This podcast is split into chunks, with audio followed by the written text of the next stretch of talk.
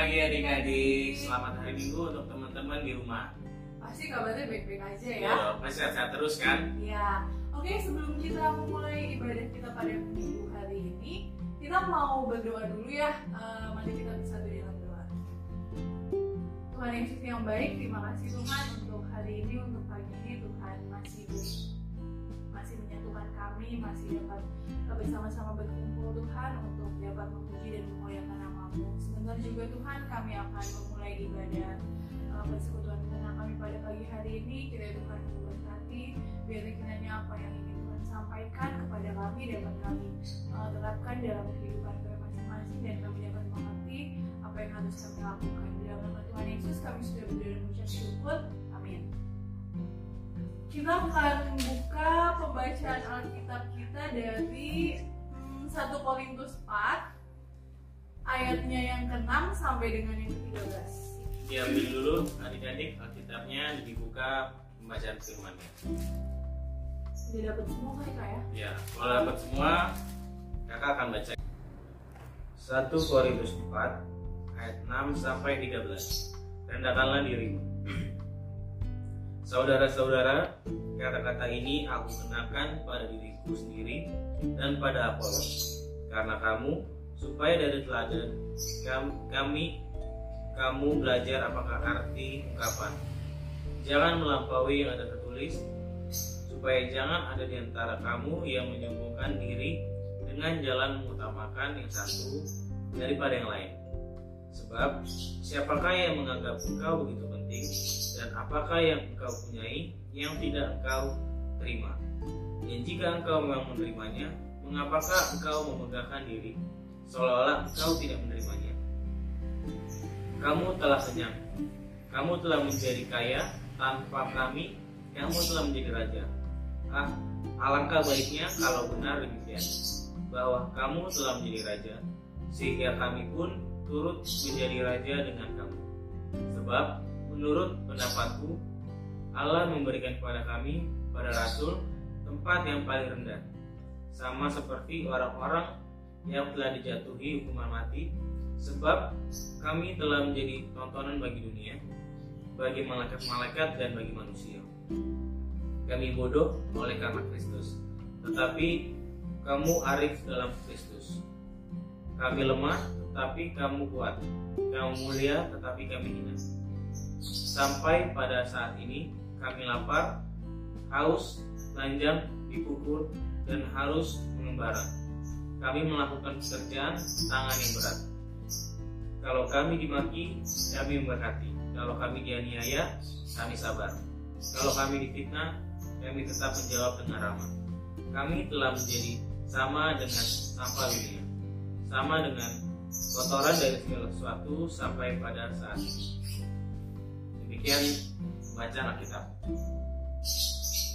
Uh, kalau misalnya untuk firman pada pagi hari ini sih kita lebih bahas tentang uh, Rasul Paulus ya kak. Iya, betul. uh, yang menegur jemaat di Korintus gitu kan. Kan adik-adik juga tahu ya maksudnya uh, banyak masalah uh, di jemaat Korintus gitu yang mengakibatkan mungkin mengancam persekutuan mereka gitu kan. Mungkin jadi berakibat perpecahan ya kan terus uh, apa namanya pokoknya persoalan-persoalan yang ada di kelompok jadi mereka bisa saling menuding atau uh, memegahkan diri atau merasa hebat ya kak menyombongkan diri mereka ya Apalagi gitu kan mereka memiliki kelebihan gitu kan, dibanding, dibanding orang yang lainnya. Uh, jadi uh, pada minggu hari ini kita mau bahas tentang gimana sih kita menegur dengan kasih melalui uh, permasalahan jemaat yang ada di Korintus gitu. Jadi kalau dari perikop sih uh, Paulus itu kan uh, maksudnya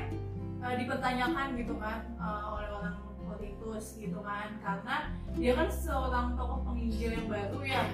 Uh, uh, dan juga kan dia melayani jemaat juga gitu kan dan untuk meneruskan pelayanan yang sudah dirintisnya itu uh, Paulus berusaha untuk meluruskan kesalahpahaman dengan begitu rendah hati. Tanpa sedikit pun menyalahkan jemaat Korintus uh, ataupun Apolos gitu. Jadi uh, dia coba untuk menegur tapi tanpa menyinggung kak. Jadi uh, tetap dengan apa namanya uh, kasih, Kasih. gitu. Uh, kemudian eh, Paulus juga eh, di situ kan eh, tugasnya menegaskan posisi itu sebagai hamba Kristus. Jadi dia tuh memang eh, di untuk menghindari lah kesalahpahaman yang terjadi. Jadi eh, nggak berarti juga bahwa mereka dapat diperlakukan sesuka hati. Jadi jemaat Rasul Paulus itu memang melayani kebutuhan rohani jemaat. Jadi Paulus di sini juga kan menegaskan eh, gimana sih posisinya itu sebagai hamba Kristus gitu kan. Jadi eh, dia itu mau bagaimana jemaat di Korintus itu eh, bisa menghindari segala kesalahpahaman yang sudah terjadi gitu kan? Jadi memang eh, para rasul itu memang kan milik jemaat cuman kan eh, hal itu nggak berarti bahwa mereka tidak diperlakukan sesuka hati. Jadi jemaat eh, dan rasul-rasul memang melayani kebutuhan rohani jemaat gitu. Eh, namun mereka tetap adalah hamba Kristus bukan hamba jemaat gitu. Jadi sebagai hamba Kristus para rasul itu bertanggung jawab langsung kepada Kristus sehingga men- eh, yang menjadi Tuhan mereka. Jadi Kristus lah yang berhak menghakimi mereka gitu bukan jemaat Korintus. Berarti itu sih yang ditegaskan di ayat uh, di pembacaan kita pada pagi hari ini. Jadi mungkin uh, gimana sih kak? Kalau misalnya gitu kalau misalnya kita dalam posisi sebagai Paulus gimana kita harus menegakkan kasih gimana? Caranya gimana? gitu baca kira sih bagus banget nih. Kalau kita tadi eh, kalau kalian menyimak juga ada di sini dia menjelaskan menegur dengan apa? Tanpa harus menyalahkan orang lain. Dia menegur, dengan kasih. Dengan maksud yang baik. Nah menegur dengan kasihnya itu kita punya kelebihan yang sifat baik. Jangan kayak gini kak gitu. Nggak seperti itu. Cuma kita menegur dengan oh ini perbuatannya nggak baik loh ini perbuatan nggak baik ini bisa berakibat fatal loh buat buat kadebora juga buat buat orang lingkungan kadebora itu sih kak. Jadi bagus banget nih pembacaan kita. Buat adik-adik teman-teman juga kita bisa mencontoh seperti Rasul Paulus. Dia mau menegur eh, jemaat di Korintus itu. Padahal Rasul Paulus itu juga mungkin dia juga ikut berdampak akibat dari perbuatan jemaat di Korintus itu tapi Rasul Paulus itu nggak mau menegurnya dengan misalkan dengan emosi dengan eh, egonya sendiri tapi tetap mengutamakan kasih gitu sih kak.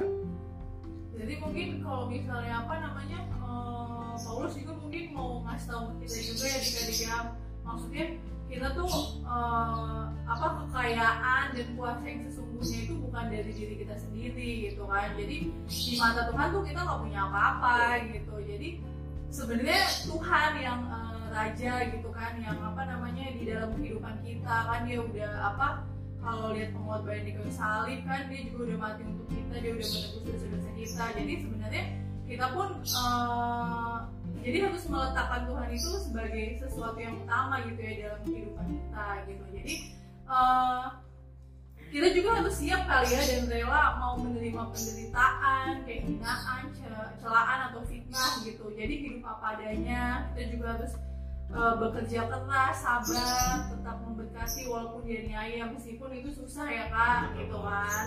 Jadi uh, kita harus tetap uh, menggunakan kasih ketika misalnya kita dalam suatu keadaan yang tidak enak gitu kan, karena memang uh, ketika kita mendapat hinaan atau celaan ya kita harus tetap uh, mengutamakan kasih di dalam kehidupan kita karena Tuhan uh, udah mengajarkan itu kepada kita kan. Jadi uh, kalau misalnya nih supaya kita tetap bisa menunjukkan sikap baik misalnya ada orang yang menfitnah jadi kita jangan balas dengan kata-kata yang kasar atau gimana gitu kan. Kita harus bisa membalas dengan kata-kata yang memberkati ya Ya, kak. membangun, Gitu kan, memotivasi. ya terus misalnya kita diremehkan gitu kan. eh, ya emang gak enak sih kalau diremehkan cuman kita harus tetap bisa sabar gitu kan dan mengucap syukur gitu tetap eh, tentang segala keadaan yang kita dapatkan kita berdoa gitu kan supaya Tuhan apa namanya eh, juga menguatkan kita gitu kan. Jadi ibaratnya untuk firman kita hari ini ya yaitu yang ya. Jadi harus tetap menegur dengan kasih apa pun keadaan kita gitu. Jadi kita harus tetap eh, apa eh, sabar pokoknya selalu mengutamakan Tuhan di dalam kehidupan kita itu aja sih. Kalau dari nggak? kalau uh, kakak sih dari pembacaan ini ini masih berhubungan banget di, di lingkungan adik-adik juga pasti masih banyak orang-orang yang masih menyembuhkan diri. Oh, uh, nah mungkin kalau dari kakak secara keseluruhan kakak ada empat poin sih. Yang pertama adalah kita belajar di sini. Kita nggak boleh menyembuhkan diri. Nggak boleh memegangkan diri kita apalagi sampai kita merendahkan orang lain karena dasarnya misalkan kita lebih daripada orang lain. Kita nggak boleh seperti itu. Karena apa? Yang kita miliki itu semua dari Tuhan. Tuhan punya kuasa atas apa yang kita miliki. Sekalipun itu kita lebih daripada orang lain itu bukan berarti harus kita sombongkan tapi kita harus rendah hati dan kita pakai itu buat menjadi berkat buat orang lain juga. Betul. Nah terus kedua dari pertama kita punya sifat-sifat baik kita punya talenta kita punya potensi yang Tuhan berikan sama kita kak adik-adik semua juga punya potensi masing-masing. Nah jadi potensi itu kita harus gunakan kita harus kembangkan kita pakai bukan untuk diri kita sendiri bukan untuk merenang orang lain tapi untuk memuliakan nama Tuhan. Memakai potensi yang kita miliki itu untuk jadi berkat di tengah-tengah lingkungan kita. Dan juga terus yang ketiga kita harus berkomitmen nih pastinya kan kak anak Tuhan itu harus berkomitmen gitu. Iya benar. bisa menjadi lebih baik lagi. Berkomitmen untuk apa? Kita mencontohkan seperti Rasul Paulus. Dia sekalipun eh, apa namanya dia ada pergumulan tapi dia mau berani menegur dengan kasih. Dan satu lagi kita kita jangan mengikuti eh, jemaat jemaat Korintus waktu itu yang dia menyembuhkan diri kita sendiri. Karena segala yang kita miliki itu semua itu dari Tuhan Tuhan di atas segalanya Kita dapat pelajaran baru nih kak minggu ini. Jadi bagaimana kita bisa menegur uh, di dalam kasih gitu apa pun keadaan kita gitu kan, apa pun yang kita alami gitu kan. Memang gak gampang ya kak, tapi kita minta apa uh, Tuhan mungkin ya untuk uh, menguatkan kita supaya kita bisa melakukan itu dalam kehidupan kita sehari-hari. gitu kan. Uh, paling uh, untuk menutup uh, firman kita hari ini kita tutup dengan doa ya. Mari kita bersatu dalam doa. Satu dalam doa. Terima kasih Tuhan untuk firman yang barusan saja sudah kami dengarkan. Biarlah kiranya Tuhan Yesus apa yang sudah Tuhan beritakan kami kepada kami dapat kami lakukan Tuhan dalam kehidupan kami. Dan biarkanlah juga Tuhan Yesus uh, meskipun kami sekarang beribadah secara online di rumah kami masing-masing biarlah kiranya sukacita kami uh, tetap ada bersama kami. Dan juga kami Tuhan dalam melakukan uh, segala aktivitas kami uh, berkati kesehatan kami. Tuhan keluarga kami di mana pun kami berada. Dalam nama Tuhan Yesus kami sudah berdoa mengucap syukur. Amin. Amin. Oke, kalau kayak gitu ibadah kita selesai kak. Uh, selamat Selamat hari minggu buat adik-adik semuanya.